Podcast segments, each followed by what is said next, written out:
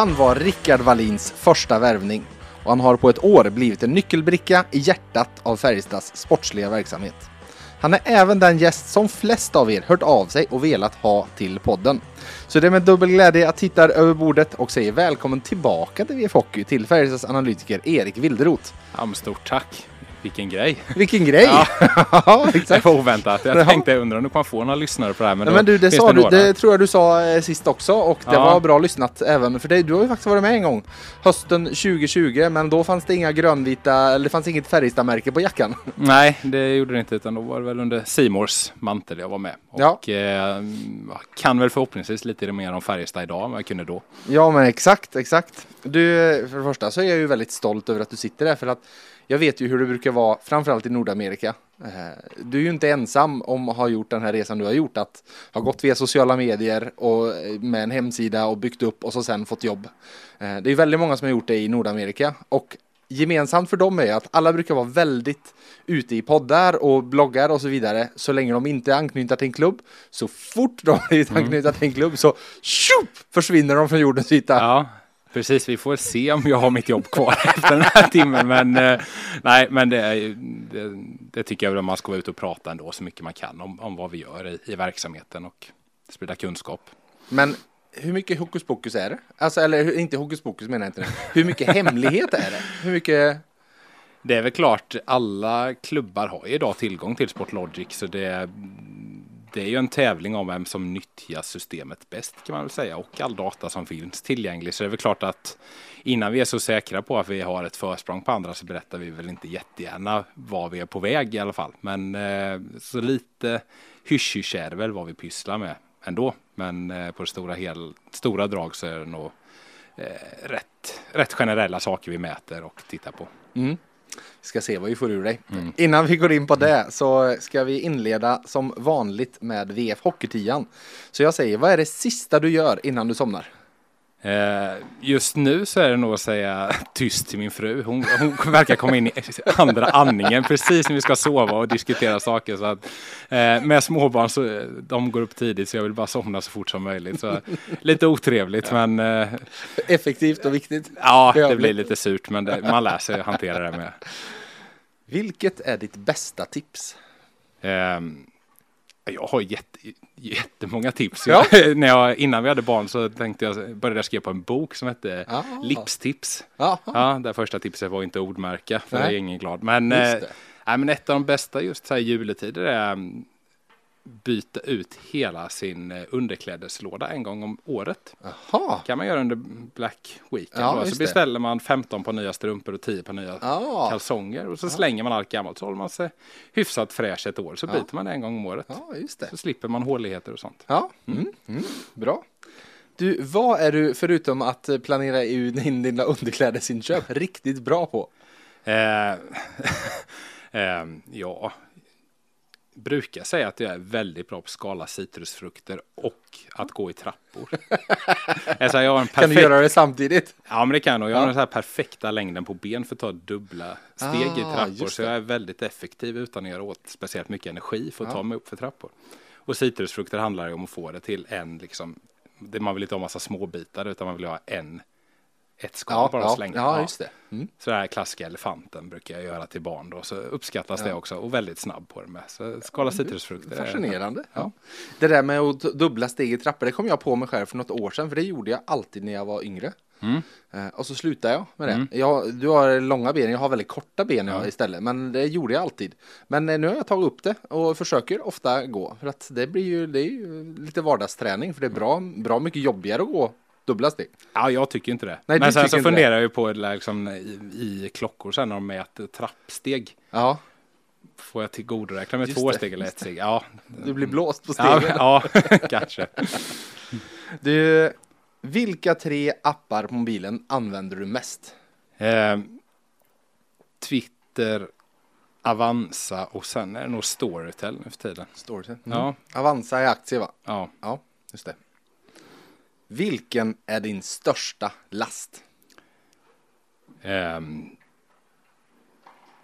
jag håller ju inte på med något. Jag, kaffe är ingen last. Det är, Nej, det, är. En, det är något bra i livet. Ja. Droger är jag dålig på. Alkohol dricker jag för lite. Så jag skulle säga att jag är Jag är rätt glömsk, disträ ibland. Om du ger mig till exempel din nyckel nu Ja. och frågar tillbaka den om en minut så kan vi inte hitta den. Den är försvunnen. Ja, ja, men så här, jag hade bakat till idag. Jaha. Jag hade tänkt ta med mig. Ja. Nej, de står hemma på bänken.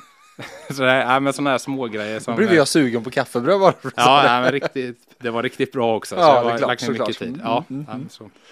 ja, ja. Du, eh, vilken är din favoritfärg? Nej, jag är nog för gammal för en favoritfärg. Mm, inget? Eh, Och garderoben är ganska varierad av den anledningen, eller är det någonting du... Nej, Rätt grå. Rätt grå? Ja. Nej, men ja. Så grått? Svart, blått, grått liksom. Det är rätt, ja, men jag är rätt beige av mig Ja. som person tror jag. Så det- men det är väl att matcha det. Vad skulle det vara omöjligt för dig att lära dig? Ehm, jo. Där, där skulle nog min fru kunna svara på rätt mycket Ja. grejer. Men det, ordning och reda är ju en sak. Men eh, musik tror jag är rätt. Musik, ja, liksom, ja, men lära dig ju spela gitarr. Är det liksom, nej, nej, nej, nej, nu har jag. Nu har jag. Ja. Skriva fint och Skriva rita fint. fint. Ja, men det har man ju ändå, man har ändå tränat typ 10 000 timmar på att Ja, skriva i ja. sin uppväxt. Och jag skriver som en kratta fortsatt. Så det borde ju vara kört. Jag, eh, jag min handstil, de, de gånger jag har råkat lagt ut någonting bild på Twitter och så vidare så är alltid folk som hackar på att hur. Men jag skyller ju det på att jag har ju suttit så mycket och antecknat när jag har intervjuat folk. Ja. Och då måste man ju skriva snabbare än vad man egentligen skriver. Ja. Liksom, och det skriva i stolpar. Så då har jag ju liksom utvecklat ett skrivspråk som är bara stolpar och är väldigt kladdigt. Ja, Liksom. Ser du själv? Eh, oftast. Ja. Eh, oftast ser jag, eh, och framförallt ser jag fall jag Fall vi sitter och gör en intervju på telefon eh, och jag antecknar Mm. och jag skriver texten direkt efter, då är det inga problem för då har jag med, då räcker Mm. det för att komma ihåg i minnet liksom. Men om jag skulle låta de där anteckningarna ligga i eh, en månad, då skulle, jag, då skulle det vara jobbigare. Ja. Eh, så sett, för så pass hackiga är de. Mm. Men jag är samma med, med ritandet. Jag har alltid sagt att ja, men mitt problem är att jag kan inte dra en rak linje. Alltså, och jag är inte så stadig på hand liksom, Nej. utan ska jag dra en rak linje, den kommer inte vara rak. Och vissa är ju bara tjup, och så Ja. är den. Och då hävdar jag att där är det ju kört redan. Då kan man ju inte rita. Nej. Så ja, så kan det vara. Eh, du vinner en miljon. Vad spenderar du den på? Ja, vi har ju hållit på mycket med huset så det, det skulle väl vara tillbaka på kontot. Ta tillbaka pengarna. det Eh, kan ju vara, fall räntan nu går upp så kan det vara bra att minska lånet lite. Ja, ja, men precis. Nej, men det, hade nog varit, det har varit mycket husrenoveringar sista åren så det hade nog varit på det. Annars är ju investeringar är ju ett intresse jag har så jag hade Mm. lagt pengar på. Eh, ja, nej, barnen hade inte fått någonting. Nej, nej, nej. Hur gamla är de förresten? Eh, tre och ett. Tre och ett. Mm. de förstår inte det. Nej, nej, nej. Så det Exakt. passa på att lägga i lådan så länge man kan. Vad äter du till frukost? Eh, sportgryn från Axa, eh, blåbär, mjölk och två ägg och ett glas vatten. Blåbär, mj- ja alltså gör du Ja. gröt av det? Ja, gröt, ja, ja, tänkte, precis. Ja, ja, men jag tog in i gränsen. Nej, det har jag gjort i vad är det, nu, 14 år varje vardag. Ja. Eh, har bytt blå, ja, indi- eh, blåbär, toppingen då. Ja. Jag, eh, var, Kommer blåbär på efter eller är de med i gröten? Nej, jag slänger på dem sen för att göra den lite kallare så jag kan äta den Ja, fortare. ja, just det. Ja. Mm. Mm. Ja. Till sist, du får fria händer att bjuda in fyra personer till en imaginär middag. Vilka fyra skulle du ha runt bordet att prata med? Levande som döda. Nu är det en imaginär på riktigt. Ja, jag hade gått det döda spåret. Jag hade inte Ja. slösat det på någonting som faktiskt kan Som hända. kan, nej, nej, nej. Så jag hade, jag hade tagit min farfar som gick Mm. ur tiden innan jag föddes. Jag hade tagit hans bror också. Mm. Eh, som var en eh, stor eh, entreprenör i bygden. Mm. Grundade ett Fagels belysning. Så det hade, var jag väldigt ointresserad av så länge Ja. han levde. Men nu hade jag haft rätt mycket frågor. Sen såg jag den här Utvandrarna på Simor nyligen. Och Ja. jag hade ju släkt som utvandrade också. Ja, och det hade nog varit att bjuda in någon eh, Någon, av dem som, Ja, ja. inte, för då gissar jag du har släkt borta i USA Ja nu men då. precis, men eh, någon, Men av- någon av dem som faktiskt tog steget. Ja men precis, att höra om allt. Det, det hade blivit mycket elände Ja. på den här middagen. men det, hade, det kanske hade varit uppfriskande att höra också hur Ja. bra man har det själv. En fjärde då? Oj, det hade nog varit någon... Eh, ja, de ska ju vara i sin prime de här, men jag hade inte Ja. velat ha dem med sin gagge om man nu blev det, utan de som var 30-35. Eh, ja, det hade nog blivit någon... Eh, svårt. Någon från andra världskriget kanske att höra. Ja. Eh, ja, jag har ingen sån. hur det var, hur det var på, upplevdes liksom. Ja, men på riktigt ja. Mm, mm. Så, ja. Spännande middag. Spännande middag, utan tvekan. ja, den hade ju kanske inte för dig, men Jo men alltså jag hävdar ju alltid det och det är ju lite av min eh, rättsnöre med den här podden. Eh, att allting är intressant om man går på djupet med det. Så eh, hävdar jag. jag. Om du så jobbar som eh, fastighetsskötare eller jobbar som fysiker på absoluta världsnivå liksom. Eh, Ja. Går man in på deras, deras, ja men ställer du frågan till de personerna, hur är läget? Ja, det är bra. Ja, gud vad ointressant. Men ställer du frågan, vad gör du på jobbet? På riktigt Ja. gör du på jobbet. Då blir det, då blir det alla yrken intressanta. Och alla livsöden. ja. Jag, så, jag körde ju bil upp från Jönköping och jag tänker på de här som står vakter. Fast de måste ju ha det. sett grejer Ja, det kanske fall. de har gjort. Ja. Men kallt. Ja, de och Ja. frös och det är minus sex grader och Ja. står där och stoppar. Men då, då kan du gå in på det spåret. Vad måste man klä sig i för att kunna stå still så länge utan att frysa? Vad är nyckeln med, Ja. med kläder och så vidare? Då, då kan man lära sig någonting. Ja, ja, ja. Du ska snart stå i en Jag är inte pulkabacke. journalist, Nej, du ska stå i en pulkabacke snart och köra Ja. barn i flera timmar. Ja, Visst, då usch. kanske man rör Ja. sig en del, så då, då får man upp värmen ändå. Men ja, Nej, usch ska jag inte säga. Nej. Det blir kul. det blir kul. Det här är som att jobba för de onda i Mighty Ducks ungefär. Citat Erik Wilderoth för ganska precis ett år sedan. Mm. Eh, då hade det precis kommit ut att du hade anställts av Färjestad. Mm. Eh, hur trivs du på jobbet? Eh, jag trivs jättebra. Ja. Jag säga. Det, är, mm, nej, men det, det är ett drömyrke för mig. Mm. Och jag älskar det. Det, det finns inte en dag jag vaknar och tänker oh. Utan det, det finns alltid något. Något roligt. Jag har stor, eh, stor påverkansgrad på vad jag gör på dagarna också. Eh, vilket leder till att man kan ha rätt roligt på Ja. jobbet där man faktiskt. Och eh, det är ju någonstans en hobby från början. Som jag la väldigt mycket timmar på utanför mitt arbete. Så det känns som direkt lyx att kunna sitta med det och faktiskt få betalt för det. Och inte ha någon som står och knackar en på axeln och gör något annat under dagarna. Utan, nej, så trivs väldigt bra. Skulle säga att eh, vad du menade med de onda, det här var ju ett citat byggt ur att du kommer från Jönköping, bor i Jönköping. Mm. Och eh, ja, men, när nyheten skulle komma ut, det var så du menade att så kommer folk här tycka. Ingen kommer önska mig lycka till till jobbet, utan Nej, den synen. Nej men eh, det stämde från- ju väldigt bra också. Det Det, var det, ja. väldigt många som hörde av sig men det var väldigt få som gratulerade.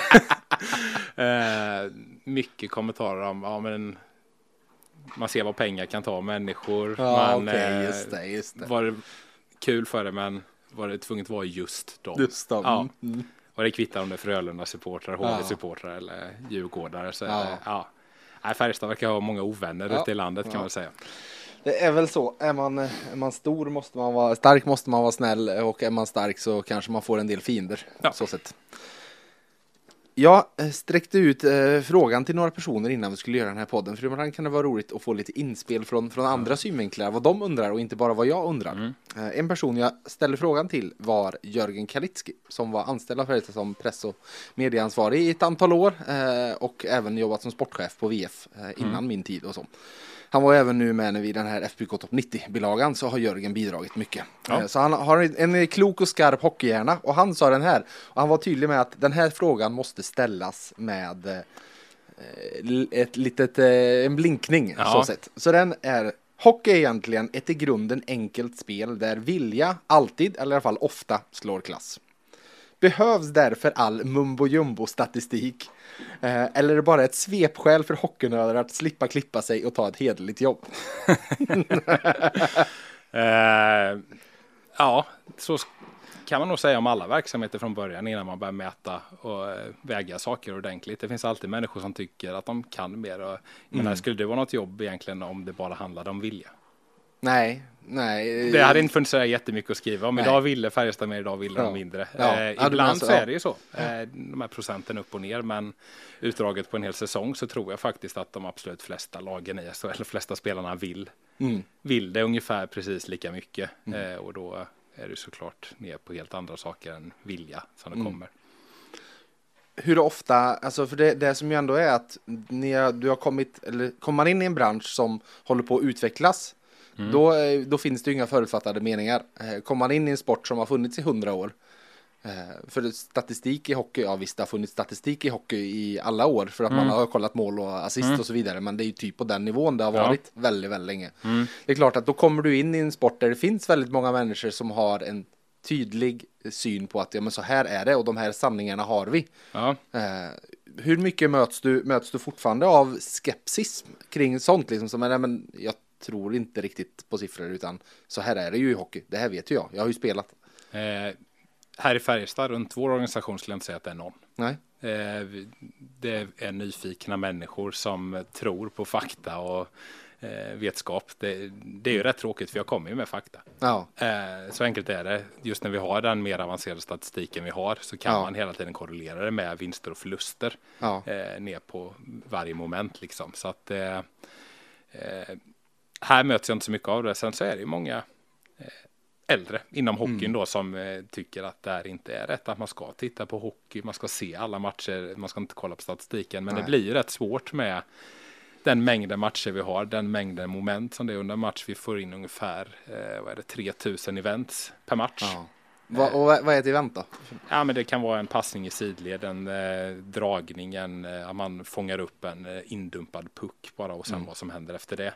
Just det. Och eh, processa det för den mänskliga hjärnan. Eh, efter matchen så kommer man inte ihåg så jättemycket. Man kommer Nej. ihåg de här Nyckelsekvenserna. Ja, nyckelsekvenserna och hur match, eh, sista minuten egentligen. Och så bygger man sig en uppfattning på Färjestad och Kassel för vi släppte in en Ja. när de tog ut målvakten. Till exempel. Ja, Ja, ja, men det är så här typisk känsla efter matchen. Eh, men det är ju de övriga 59 minuterna som, som vi får ner i siffror som är väldigt viktiga att bearbeta och eh, analysera. Vad Mm. mm. bättre. Om du skulle utbilda oss eh, dödliga i eh, någon slags eh, grov underläggande statistik som vi borde bry oss om. Vilken skulle du, ifall du bara skulle välja en? Ja, den, den absolut enklaste som fortfarande håller det är ju Corsi. Den är ju Ja. rätt bespottad trots allt, men det är ju skottförsök för och emot. Eh, tittar man på det i korrelation med PDO då, som det betyder ju ingenting, men det är ju skottprocent och räddningsprocent sammanslaget. Mm. Eh, när säsongen är slut så ligger ju i stort sett alla lag mellan 98 och 102. Mm. Alltså man slår ihop. Man Det gör typ alla lag i år va? Ja, Sist jag kollade, det är, det är ingen, nästan ingen som sticker ut nej, i det år. är någon Liksom. strax över Ja. och någon strax Men ingen liksom under. 106 eller 94. Utan, Nej, precis, utan det är väldigt jämnt. Där man, Mm.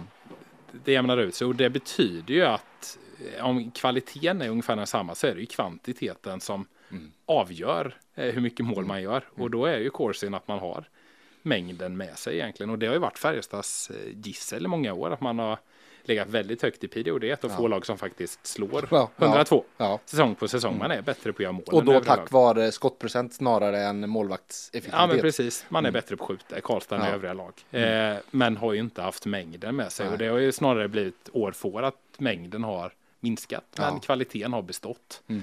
Eh, jag brukade, jag försökte få med den på Simon men jag fick aldrig den här eh, vad heter han, van Claude eller vad heter han, den eh, skådisen som står i spagat över Ja. Jean-Claude Van Damme. Ja, ja men precis. Ja, just det. Ja, mellan, När han går in i eh, splitten, ja, det det. har varit lite det. Färjestad. Det har funkat, funkat, funkat. Sen till slut så Just är det. lastbilarna för långt isär. Ja, Då ja. kvittar det hur skicklig Hur är. stark han är. Ja, precis. Ja, Mm.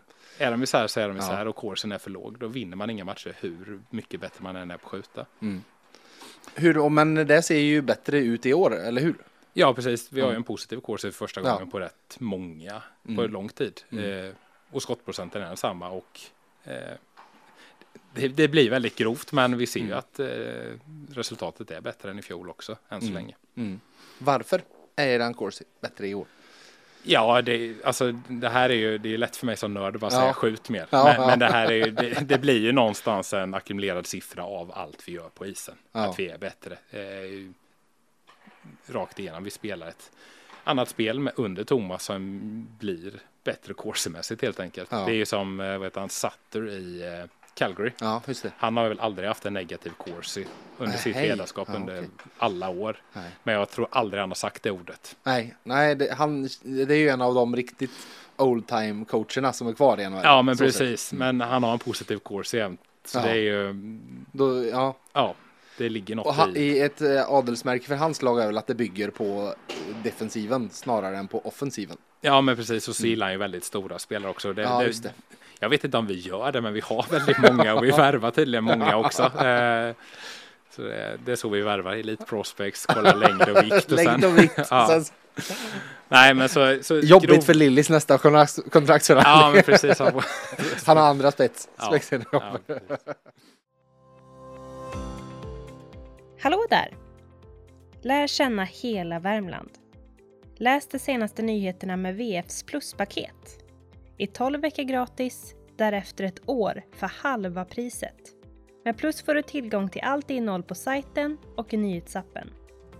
Länken till erbjudandet hittar du i avsnittsbeskrivningen. Du, borde ni kanske vara bättre, alltså jag tänker kring, en, en sak som jag tycker är tråkigt är ju att Sportlogic-siffrorna inte finns eh, till, till gemene man. Corsi kan man ju titta på SHL, Mm. eh, men Sportlogic, det finns ju väldigt mycket intressant. Jag kan förstå att inte allt finns, men jag kan tycka att det är tråkigt att det är nästan ingenting som finns. Eh, Det tycker jag med. Jag tycker transparensen blir rätt dålig när det är Simor vi klubbar som har det. Mm. Eh, det blir svårt för fel lokaljournalister att kunna ställa de här. Ja. Det, det blir liksom ett sätt att försvara sig att nej, men siffrorna ser bra ut i Sportlogic. ja, Eh, vilket de ofta inte gör heller för klubbarna förstår inte hur de ska kolla på Nej, det, de här nej. som försvarar sig med det. Så jag, jag har förordat länge att eh, SHL borde eh, publicera mer data och göra mer data tillgängligt på, Mm. en, på en djupare nivå. Eh, I NHL så är man duktigare på det och det finns mer publika modeller eh, vilket ger sprider kunskap och information på ett Mm. bättre sätt och eh, öppnar transparensen mot vad klubbarna gör med tror jag. Mm. Skulle inte ni kunna gå i bräschen då? Du skulle kunna ha en Eriks ruta i veckobreven. Ja, du, det, är, det är Sportlogic som håller så hårt i Ja, det skulle okej. jag säga. Det är, jag är bakbunden Ja, av okej. dem och eh, har hotats redan sedan eh, simor tiden med att jag får inte publicera någonting egentligen. Nej, nej. Eh, så jag hade gärna gjort det. Ja, Men ja. eh, så, så är det tyvärr. Så är det, ja. I den där intervjun när du pratade om Mighty Ducks Mm. så sa du även att jag, eh, jag ska sätta Färjestad i förarsätet i Sverige inom det här området. Mm. Ett år på jobbet, är ni i förarsätet? En, eh, nej, det är för mycket hysch från här. Nej, vi, vi har en bit kvar att vandra. Ja. Fjolåret blev väldigt mycket. Jag jobbade i halvtid med det. Och det blev väldigt mycket, vad ska man säga, släcka bränder. Ja. Eh, det hände ju väldigt mycket runt laget. ja. Eh, både upp och ner. Och, vilket gjorde att det, det, jag var klart närmre isen, om man ja, säger okej. så. Just det. Inte på Dag, isen. dag, nej, Eh, precis. Det ska jag förtydliga mig, jag har inte berört isen, men närmare den dagliga verksamheten än vad jag trodde jag skulle vara. Men Ja. i år så vi tar steg varje vecka för att sitta i förarsätet och det tror jag väl vi kommer göra om ett, om vi, du ställer frågan om ett år Mm, så mm. svarar jag nog ja Mm. med säkerhet på den frågan. Mm. Hur, hur, eh, en tvådelad fråga. Som sagt, du var på halvtid fram till eh, förra säsongsslutet Mm. och nu på heltid. Hur stor skillnad har det blivit för dig? Och beskriv hur en arbetsdag ser ut för dig. Ehm, En generell arbetsdag. Jag förstår att alla är olika. Ja, ja, de är väldigt olika. Men eh, det, jag går ju under Rickard Wallin. Eh, Mm. Så egentligen så tillhör jag den sportsliga organisationen på tre personer. Mm. Så det är jag, han och Patrik Hansen som är scout då. Eh, sen blir jag ju lite som en materialare i, i verksamheten med data egentligen. Så jag förser ju tränarna med eh, diverse Mm. saker. Är det att varje morgon de kommer så har de en rapport att sitta och titta på? Eller? Nej, då hade de nog blivit Ja, okej. trötta på mig. Men eh, vi, vi har ju försökt standardisera lite. Jag Ja. tycker att det är lätt att mäta det man vill mäta sig på. Det är lite Mm. som en brasiliansk fotbollsspelare som bara tränar på det de är bra på. Ja, det. Eh, utan vi har ju bestämt vad vi mäter oss på före säsongen. Har vi suttit ner i möten och sen så levererar jag ju rapporter Mm. löpande på det efter varje match egentligen. Eh, på individnivå, på lagnivå och eh, även då så har vi avstämningar då och då. Mm. Tar ett större sjok på det. Eh, Och fall du, jag gissar ja, men fall du snappar upp något på något annat område som sticker ut jättemycket så Ja, det har väl hänt. Jag har suttit lördagnätter och skrivit ihop saker och skickat. Eh, olika hur det landar. Jag brukar vänta med att trycka på sänd till morgonen efter och läsa igenom vad faktiskt om det stämmer. Men Ja. eh, nej, men det är väl klart. Ser jag saker så ropar jag ju på det, men vi försöker jobba standardiserat som möjligt ändå. Eh, vi vet ju när vi är bra och när Mm. vi är dåliga, Mm. så man utgår från det. Eh, annars är det ju eh, utvärdering eh, löpande av, av truppen vi har, av världsläget eller vad man säger, Mm. så vi håller koll på. Eh, jag var inte den hockeynörden jag klev in i, nej i Färjestad, ska jag inte säga att jag visste vem som är tredje Nej, center i Ontario Region liksom. Nej, men eh, nu kan, tredje ja, de har väldigt många centrar. ja, ja, ja. Det fick man lära sig i somras när Just man eh, center. Kan de varenda- Remiel-jakten, då, då, Ja, jag kan de flesta centrarna i eh, just det. sammanstått i ett par skridskor skulle jag säga. Men eh, nej, så det har ju verkligen eh, ökat den kunskapen. Eh, Ja. så det, och sen så bygger vi ju med Rickard då vad vi hur vi sätter oss i förarsättet då. Så det är Mm. ju allt från programmering till eh, att sitta och titta på timmar av video eh, Ja. på hur Linköping tas ut ur Ja, egen det. zon Det, det, du, du tittar även mycket video, inte, inte bara siffror om man säger så. Jag börjar alltid i siffror. Ja, skulle jag säga. Eh, Jag tycker det är ett mycket mer effektivt sätt eh, Ja. än att sitta och leta efter ja det. saker Ja. med ögat. Det, det finns det andra som är bättre på i organisationen än vad jag är. Mm. Så mm, jag försöker Det är väl egentligen det. som ska vara Patriks jobb en del. Att, eh, vi ska komma in lite på det senare, men att eh, men du skalar av och så kommer han och du säger var han ska titta. Ja, precis. Sen får han nöjet att sitta och titta Ja. på en spelare i två dagar liksom. Eh, Så är jag klar med mitt. Ja. Ja. men precis. Och sen eh, kring motståndare så liksom ledarstaben är ju väldigt duktig och jobbar med video också. Mm. Så där, det blir bara dubbelarbete om jag sitter för mycket med sånt också. Men eh, jag försöker chippa in där, där jag kan och Mm. hjälpa till. För Mm. att göra oss någon procentenhet bättre kanske så är det värt jobbet. Du, idag är du i Karlstad. Mm. Eh, Och du är väl här en del ändå, även fast du fortfarande bor kvar i Jönköping. Ja, men precis. Jag försöker vara här varannan vecka i alla fall och visa upp mig. Mm. Eh, småbarnen eh, och samhället som ser ut så är det ju väldigt mycket sjukdomar just nu och där eh, jag är som en svamp av Mm. Ja. barnsjukdomar också. Ja. Har visat sig. Det. Mm. Eh, så jag, med respekt för laget så håller jag mig undan. När jag, Ja. Så tyvärr har det inte blivit så mycket som vi hoppats på men eh, varannan vecka i alla fall. Mm. Och försöka se någon match när man ändå är här också. Även om det blir mest för nöjes skull. Ja. För min del, för mitt jobb är mer Ja. före och efter matcherna. Få lite, ja men ibland är det bra att se folk i ögonen också. Ja, men precis så att de även ser att Rickard har någon anställd. ja, exakt. ja. Men du, alltså du och Patrik, ni är ju ändå baserade i Jönköping båda två. Träffas ni något så sett? Nej, vi gör ju inte det. Vi Nej. bor på varsin sida av sjön egentligen. Ja. Så det är ändå en timme nästan Ja, just åkfärd emellan. Just det. Men eh, Ni får skaffa en båt. ja, Ses varsin båt. han har säkert en båt. Han Ja. känns som en båtkille, Ja, känns. Patrik mer. Eh, Men eh, jag... Ja, nej, vi har, vi har väl daglig kontakt ändå, jag och Patrik om Ja. just eh, man får väl ha lite kul också på jobbet med vad Ja. vi hittar och sk- det är mycket, mycket roliga klipp och roliga, roliga spelare om man säger så. Ja, som, som kanske aldrig kommer beträda isen i Karlstad men som vi hittar. Så eh, Du, du är ibland sån där, ja men någon som, du hittar, du hittar något guldkorn som kanske inte är tillräckligt bra för SHL men det, det är något roligt. hade vi haft ett farmarlag så hade det varit världens roligaste farmarlag tror jag. Eh, Ja, okej. Ja. Mm. Mm. Vad är bättre i år jämfört med förra säsongen? Eh, till siffrorna. Jag är inne på Corsi, det är ju en sak. Ja. Mm. Nej, men ett, ett stort problem som jag lös innan jag kom in förra året var ju att vi spelade för lite mer puck ut i egen zon. Mm. Eh, där är vi ju bättre och det är ju en blandning av att vi har personal i, i form av spelare som faktiskt spelar ut pucken mer i Mm, år än förra året. mm. Men även att vi har ett spel som gör att spelarna, vi ser det, siffrorna ser väldigt mycket bättre ut på individnivå också, hur man tar sig ut i egen zon. Vilket gör att vi är väldigt mycket mindre i egen zon. Mm. Eh, vi fick kanske ut pucken med, med vad man kallar mindre risk förra året med att chippa ut den i mittzonen. Men eh, tyvärr kommer den ju tillbaka rätt ofta när man gör Mm. det. Eh, spelar man ut den så ser vi till att den inte är så mycket i egen zon. Så det, det är väl det, det största klivet jag säger att vi har tagit i år. Vad är sämre? Ehm, jag är något sämre. Nej, Nej, men, nej. nej, men, Nej, så kan det ju vara. nej, nej, men det XG-mässigt så följer vi väl ungefär fjolårets trend fortsatt ändå. Mm. Eh, det har ju varit såklart kopplat till att vi har haft mycket skador och så. Vi XG hade, ska jag bara för de som expected goals.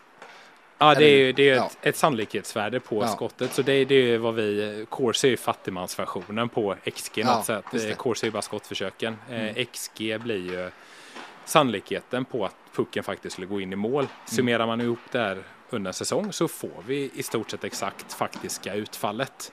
Vilket gör att vi kan se när vi under perioder faktiskt skapar väldigt mycket men pucken vill inte in. Mm. Och sen så blir det ofta ketchup-effekten på det. Eh, helst vill man ju inte att all ketchup Nej. kommer i samma match. Du vill gärna ha fyra, fyra, Fyra matcher där vi överpresterar och Ja. inte en när vi gör sju mål. Ja. Vinner med 7-2 Ja, som ja. något lag gör. Då, då bränner man mycket av sin Ja, ketchup exakt, helt enkelt. exakt. Eh, Tyvärr funkar Ja. det ju så att saker Ja. och ting jämnar ut sig.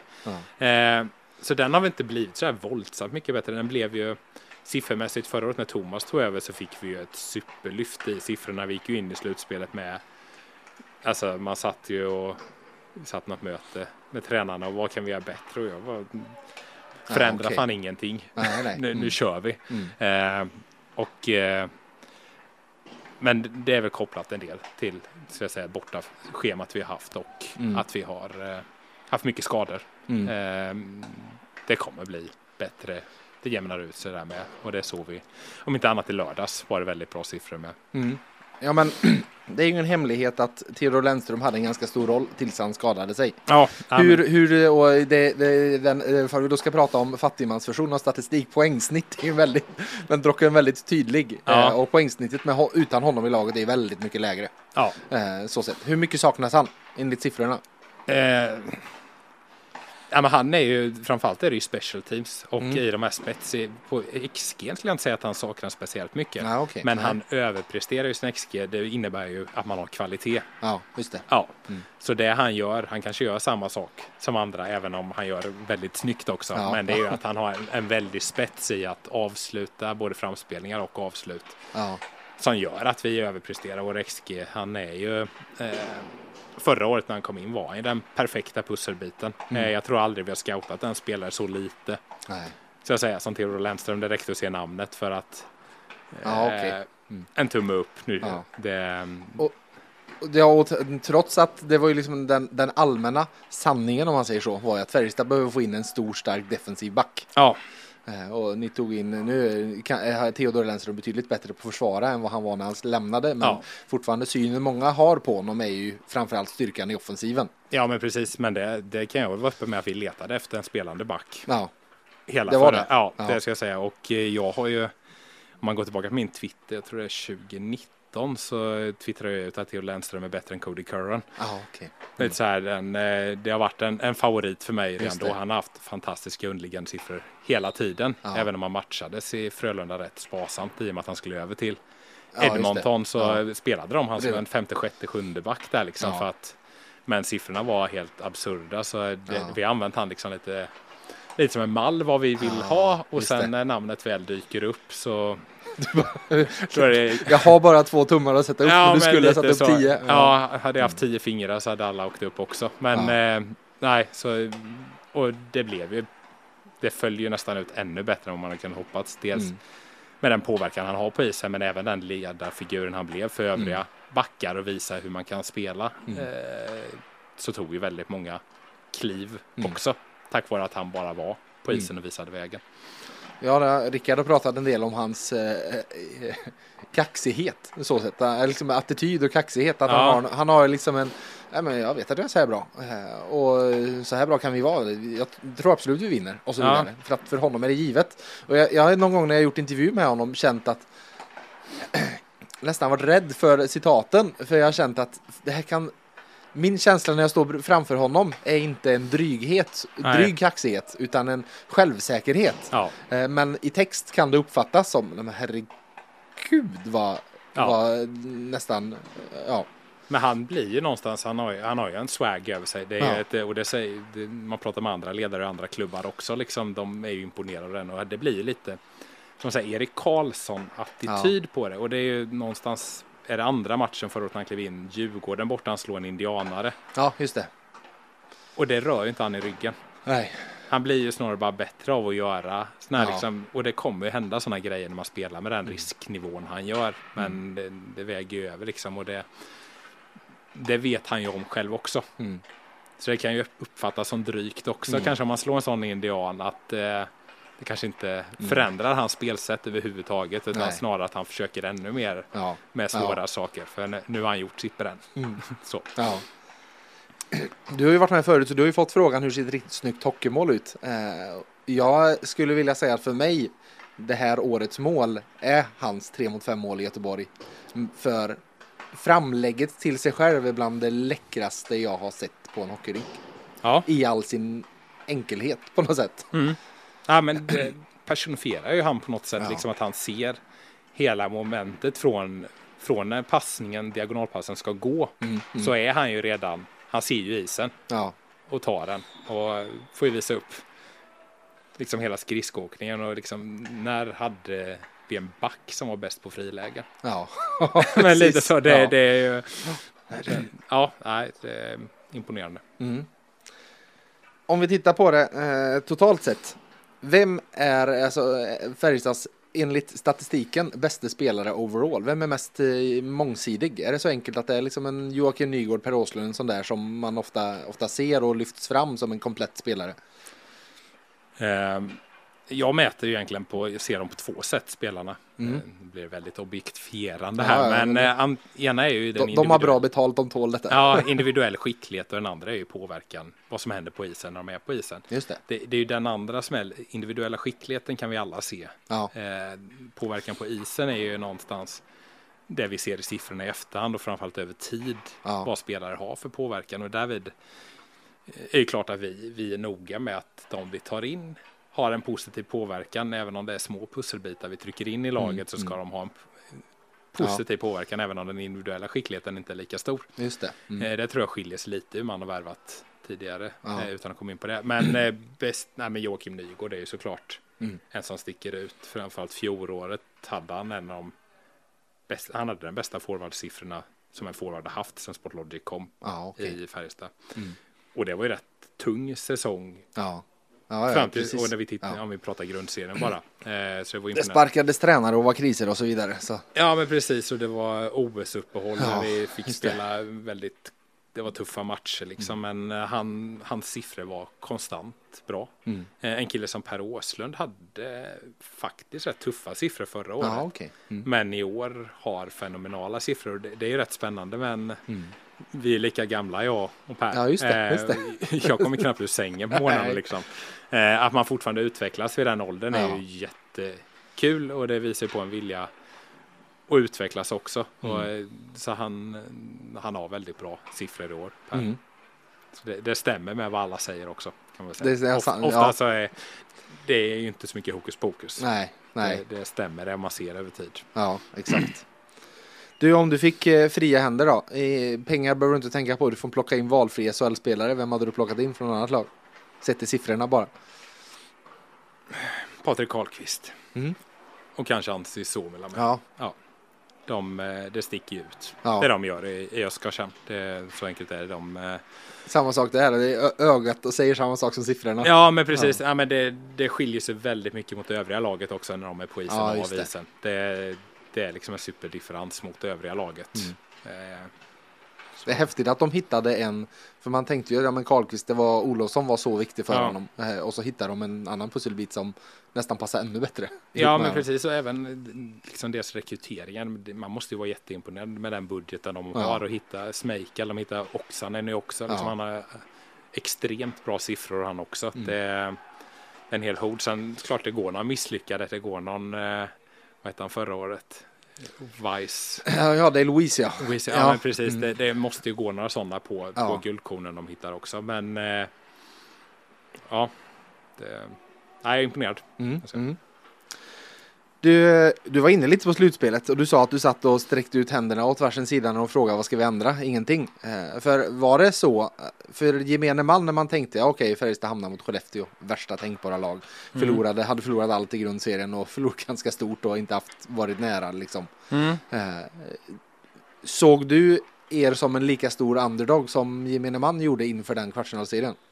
Nej, det gjorde jag väl inte. Sen eh, Skellefteå var ju vår mardrömsmotståndare. Det hade ju sett ut som, det var ju nästan pojklag mot seniorlag i grundserien. ja. Eh, övriga serier var inte så nervös, men Nej. klart, men eh, ja, var, I alla fall vid slutspelet så var du mest, kände du att Skellefteå var den svårare än både Rögle och Luleå? Rögle var det enda laget jag var säker på att vi skulle slå. Ja, okej. Det var drömmotståndaren. Jag tyckte vi hade bra kontroll även Ja. under Pennans tid på dem i grundserien. Eh, så det, men eh, om man tar Skellefteå, eh, lite sån här insight veckan innan, vi har väl två grundseriematcher kvar, ringer Thomas upp med en söndagmorgon och ber mig kolla på, på Skellefteå på vissa specifika spelmoment på dem. Vilket jag tyckte var rätt underligt Ja. att jag skulle lägga en söndag på det, men det gjorde jag och eh, förstod rätt fort i match ett liksom vad han eh, vad han ville ha ut av, Ja, av mina, mitt tittande då, Mm. utan att gå in på vad det var för specifikt spelmoment. Men eh,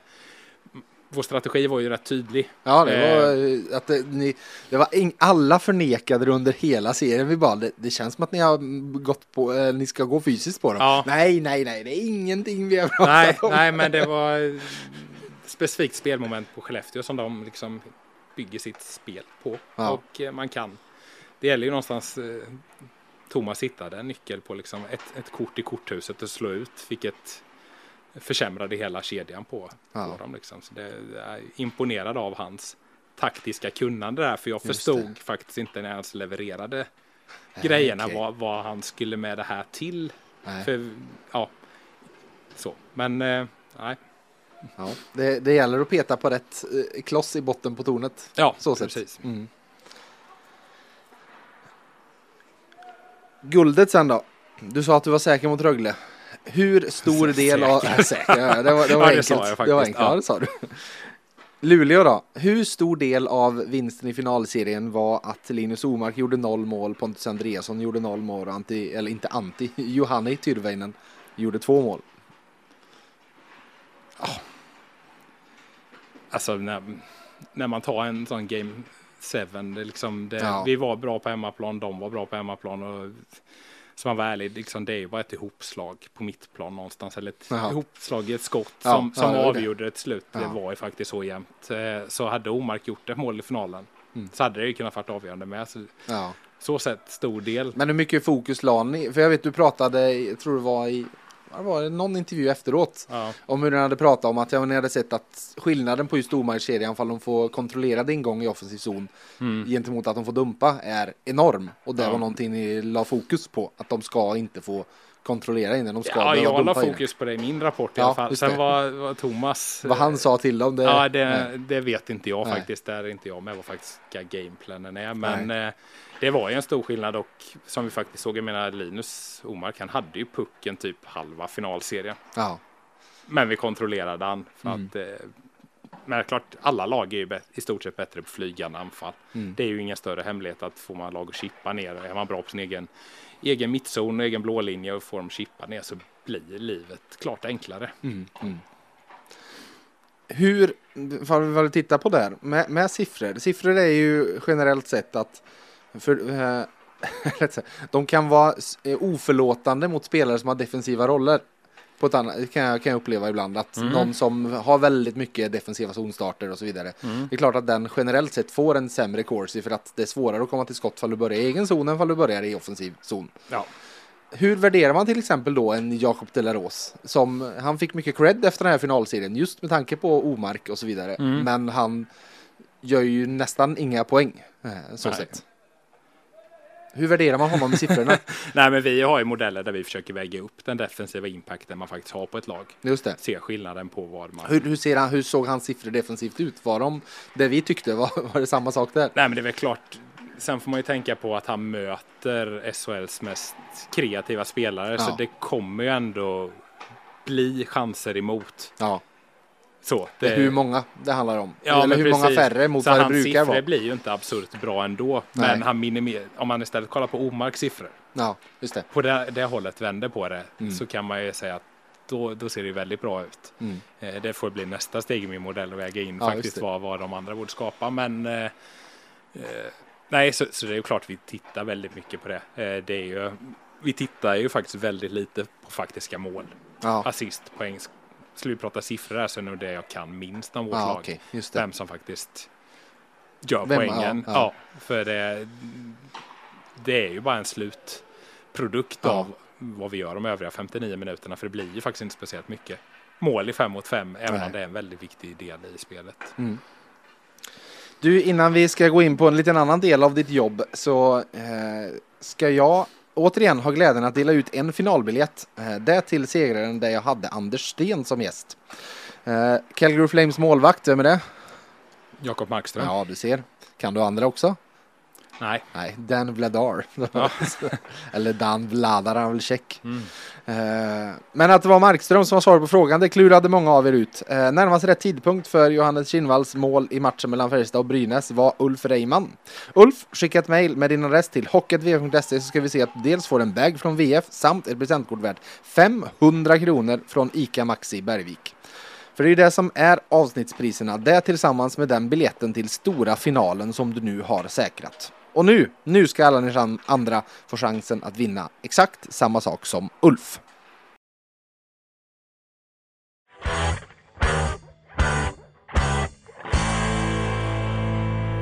Hej! Christer med personal här. Vi på Maxi Karlstad älskar hockey. Och kunderna förstås. Erik har ju Jönköping som hemort. Så HV71 är det lag som han har närmast knuten. HV är väl inget lag direkt, ber om ursäkt Erik. Eh, men jag undrar ändå, vad står H och V för i klubbnamnet HV71? Lycka till, så hörs vi i nästa avsnitt av VF Hockey. Googla lugnt.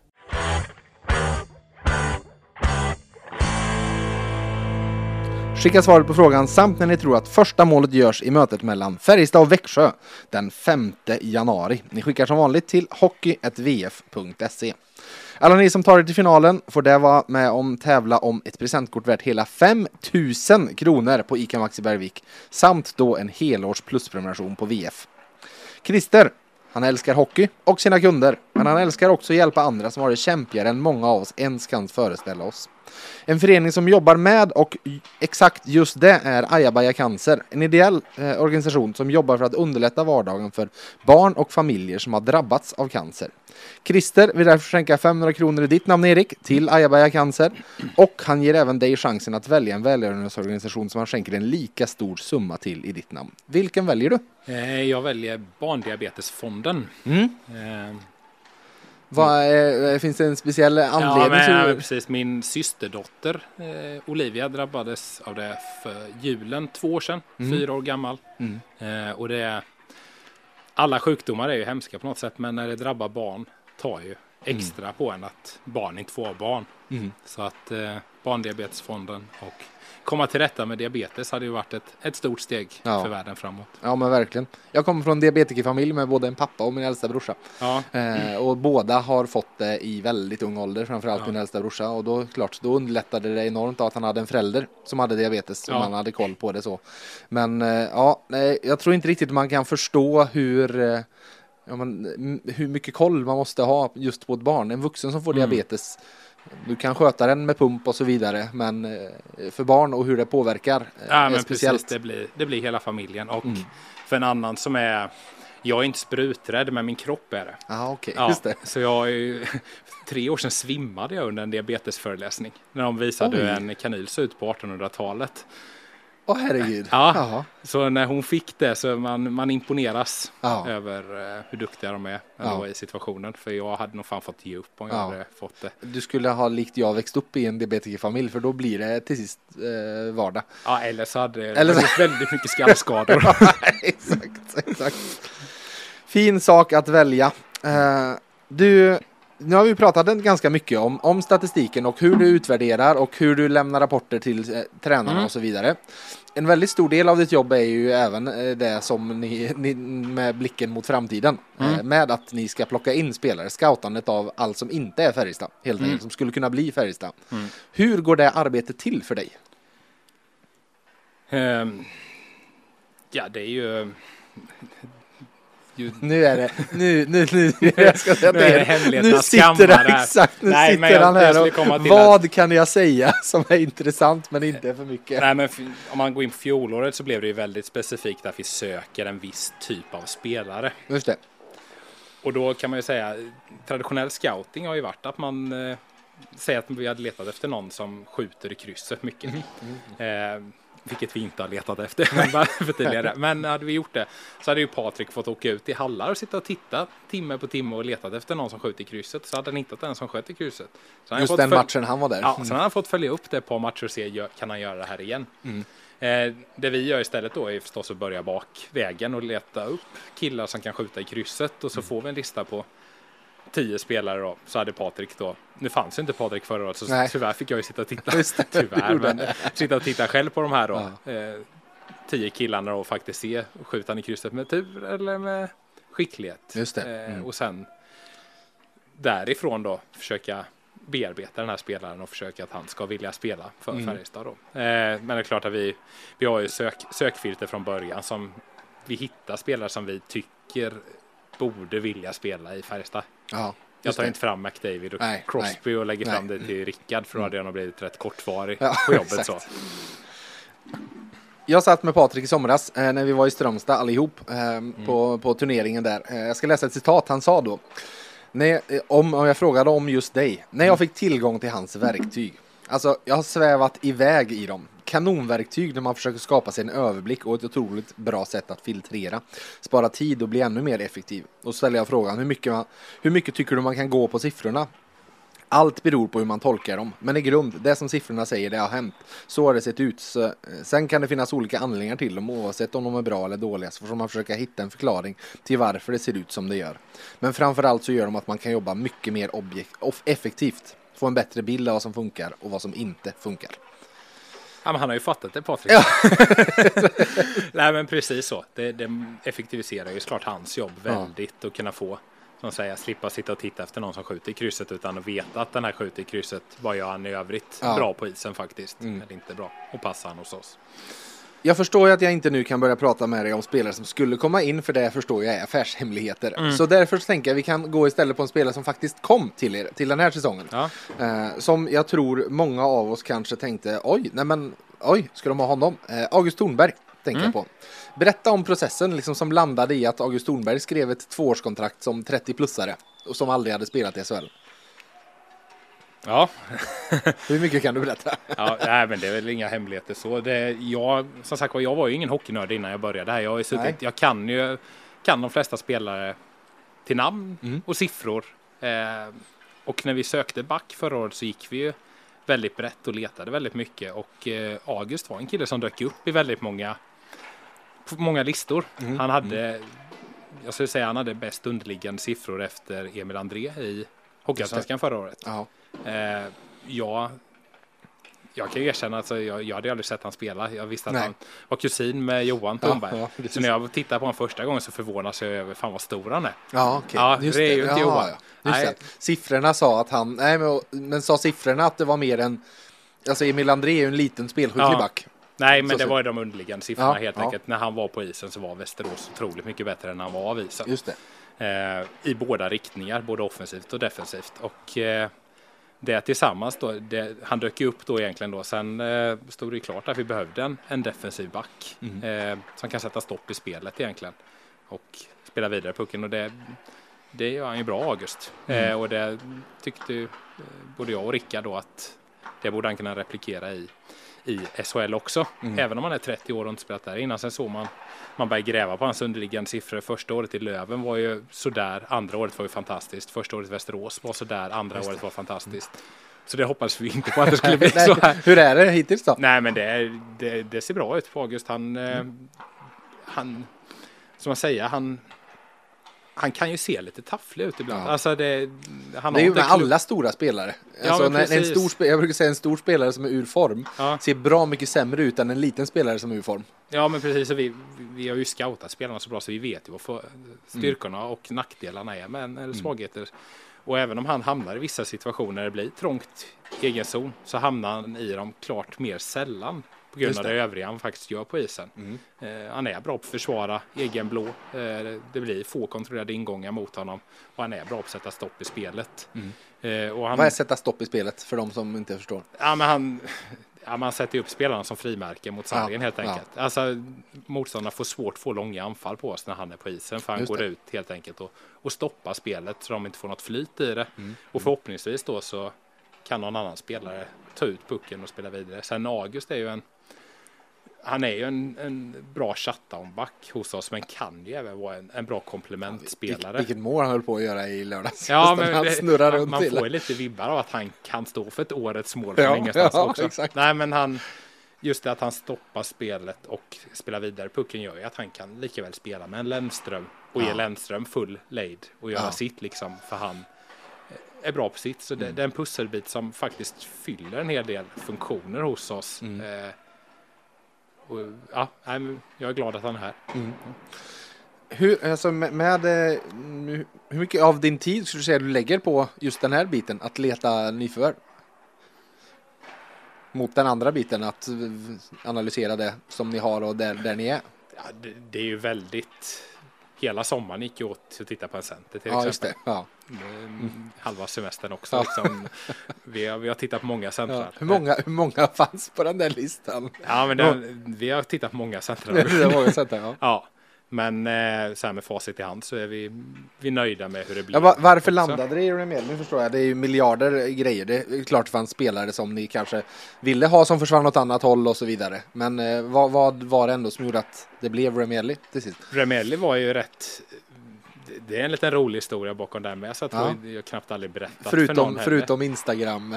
Ja, ja den är med. Men, eh, nej, men vi, vi, sagt var, vi, vi kunde ju varenda center och marknaden Mm. var ju väldigt tunn. Det, det är inte så liksom att vi kände att, att vi inte tog han, att vi inte tog Nej, han, utan eh, vi har ändå liksom förstått marknaden tycker Ja. jag. Eh, fanns väl en Lamiko nere i Schweiz som var, eh, ni tittade rejält på har jag förstått. Men det behöver vi inte fortsätta med nu, utan ta Ellie. ja, det, det finns många spelare som Ja. varit på listan. Ja. Eh, Lamiko är såklart en av dem. Ja. Eh, det är egentligen alla centrar som trillat bort där bortifrån. Ja, ja Eh. exakt. Alla centrar som lämnade Nordamerika och kunde tänka sig Europa är klart att Ja, då, då var de på listan. Precis, men eh, just Remy stod ju inte uppsatt som center i Just det. något system. Och vi satt i, i Strömstad faktiskt, jag, eh, Patrik och Rickard hade ett möte och vi hela tiden när man jagar en, en spelare vill man vill ju alltid ha en backup-plan om det Ja, inte det. slår väl ut. Ja, Jag kommer inte ihåg hur vi föll in på det men på något sätt så var det ju någon som var Ja men det var längd på spelare. Ah. Pratade vi om att det, det stämmer ju inte i liksom Axel Holmström är en sån här klassisk. Om du googlar han, han har fyra olika längder på ett väldigt stort spann. Jaha, okej. Just det. Så vi satt vi där, sen när vi går tillbaka till rummet funderar på, men är allas positioner rätt uppsatta? Ja. Och så satte vi igång och kodade lite. Jag, jag kodade, Patrik satt väl och hejade på bakom. Ja, så liksom. Sen slår vi en... Eh, Var, ja. För det, det man kan ju titta på är ju om hur många tekningar någon har tagit. Ja, det kan ju precis. vara en, en, någon som står uppsatt som left wing som har tekat 300 tekningar. Då fattar du att den har spelat med center. Ja, det är ju en tydlig indikator Ja, på ja. och framförallt är ju hockeyn rätt konservativ med det att man faktiskt spelar center om man tekar. Eh, vilket jag inte riktigt förstår Nej, heller alltid. nej. Men, nej, så vi gör en sån körning. Sen eh, har jag ju så tröga grejer så vi går ju ut och går på trevligheter på kvällen där. Sen går vi tillbaka på natten. Jag kommer tillbaka lite före Patrik. Och så har vi fått fram en lista på fem spelare då. Som har spelat center men inte står uppsatta Ja men center. precis och Ja. så vi får ju uppsatt liksom siffrorna som han spelat som center och när han spelat som ytter. Och Remy har ju helt galna siffror som center. Alltså det är... Och jag sätter igång och man bara, eh, ja vi har haft trevligt, man sätter igång och Ja. kollar på highlightsen och han har ju ett par helt galna ja, ja. mål också. Och jag var ju helt ärlig i lågor men går och lägger mig innan Patrik kommer tillbaka. Vaknar på morgonen och kommer ju inte riktigt ihåg. Det är inte första grejen jag Nej, tänker på nej. utan vi pratar om kvällen. Går ut sen, under frukosten tror jag bara, men vänta nu lite här. Har du hört talas om, om den här spelaren och sen, sen var vår, vår jakt igång på honom. okej. Man funderar lite Då- på hur man ska pitcha det för Rickard och sen Ja. får han titta. Sen sätter vi igång och tittar på, på timmar, timmar, timmar. Allt han har spelat center egentligen. Sen Ja. Så ha- Gillade från, ja precis. Så från, tack Axel Holmström då. Ja, men lite felaktiga så. längd för att Remieli är. Ja, nej, Mm. så det, det är ju rätt roligt för alla spelare står ju nästan uppsatta som center på Elite Prospect. Ja. Alltså Phil Kessel står ju uppsatt som Ja, center. ja, ja, ja, exakt. Och det är, ja, Så, men det finns ett gäng som inte gjorde det just det. faktiskt. Det var lite spännande. Ja. Hur, hur har han eh, klarat akklimatiseringen till den här hockeyn? Här? Eh, jag tycker han gör det bra mycket. Jag Mm. menar just tekningar som många ser det. Ja. Hans svaghet var Ja. ju någonting, jag menar, det såg vi också siffrorna på. Det var inget otydligt Nej, i det. nej, utan han tekar ungefär, nej, han tekar ungefär som förväntat. Ja. Eh, Just tekningen är rätt roligt. hur Man, Luleå har tre av de fyra bästa tekarna. Och, ja, Ja, men man vinner hur- inte hur- matcher bara på det. Nej men hur, hur viktigt, för det här är ju en, en sak som ofta tas upp. Hur viktigt är det med tekningar tycker du i hockeyn? Jag tycker, det är klart i specifika moment hade det varit jättetrevligt att ha en David Steckel och sätta in som tekar Ja. typ 70 i NHL Ja, och vinna det. där teket. Ja men alltså, det, ta när du ska börja powerplay. Det är Ja. klart att den första teckningen det är 15 till 20 sekunder i offensiv zon Ja. som du tappar på om du förlorar den. Sen Så- kan vi ju säga att Remeli har ju, tekar ju 43 procent hittills den här säsongen och Ja. har ju en XG på 65 procent kanske. Ja. Det är ju rätt bra ändå. Mm, Det är ju tur för de andra att han inte kan nej, nej, det ska inte vara sånt. Nej, men, nej, men så acklimatiseringen har gått bra tycker jag. Ja. Så sett. Eh, han spelar som förväntat. Han Mm. har ju visat sin spets också. Jag tror han kommer kunna visa det mer och mer också. Liksom det här när han är när han spelar enkelt på få touch. Mm. I anfallszonen så är han ruggigt bra. Mm. Du menar han tar sig in på kast. Han är ju nordamerikansk i sitt spel och det var ju någonting jag kände efter förra året att vi hade, vi hade ju en centerlina, eller vad som Mm. kedja, som var väldigt hyllad men de var ju väldigt lika varandra. Ja. Ja. Och det var väl någonting, jag menar när Jakob lämnade oss var ju något, det var ju klart att det var surt. Det var Ja, inte så att man satt ja. med, med mungiporna uppåt Nej, direkt. Men nej. sen samtidigt fick vi ju se det som en chans att faktiskt förändra dynamiken lite i centergrupperingen. Just det. Mm. Och Remy är ju annorlunda på det sättet för han är ju rakare. Mm. Eh, sen är han ju lite av en kameleont. När han spelar med Lilly så vill han slå lite mer flippmackor och när han Ja. spelar med Åsa och Nygård så är han rakare så. Men när han spelar rakt så är, fyller han ju en väldigt bra funktion att han är annorlunda mot våra andra centrar. Han är väl eh, det här målet som eh, Oskar Lavner var det som gjorde det va? Här hemma. När han driver, vinner puck i egen zon Ja, och men- driver upp och hittar en passning. Det är väl, jag tycker när han spelar på det sättet så är han som bäst. Ja men precis för han har ju ett jäkla tryck i åkningen Ja. när han gör det. Och en, jag menar, hans ryggtavla är ju Ja. den är gigantisk. Det går liksom inte att komma runt på den. Så när han använder farten på det sättet och har den distinktheten och bestämdheten i sitt passningsspel. Och även, jag menar, han har ett bra skott. Det har han inte visat riktigt än heller. Så. Nej. Men, och bra på att styra puckar. Så det är just det här, som man säger. Han, vi satt efter några matcher och funderade på hur hans defensiva spel var. Mm.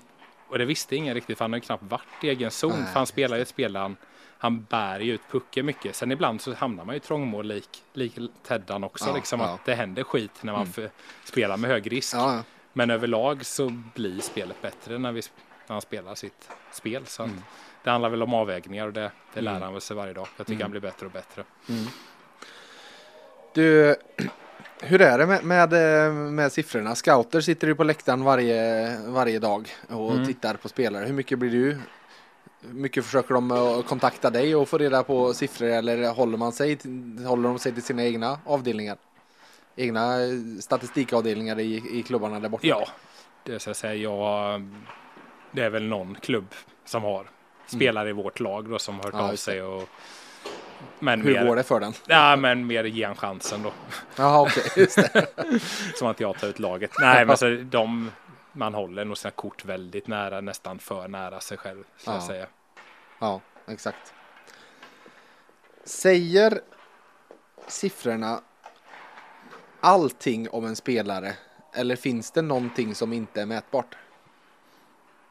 Swag. Swag? Nej, men det, ja. det, det mesta landar ju faktiskt i det här on-ice impact på något sätt. Där jag säger vad händer på isen när man är på isen. För över tid liksom pratar eh, så många spelare säger men man får inte med de här mjuka värdena och så. Ja. Men, men en kille som Linus som visar liksom eh, med sitt spel. Han får ju såklart bra, bra impact på isen Ja. med sättet han spelar. Ja.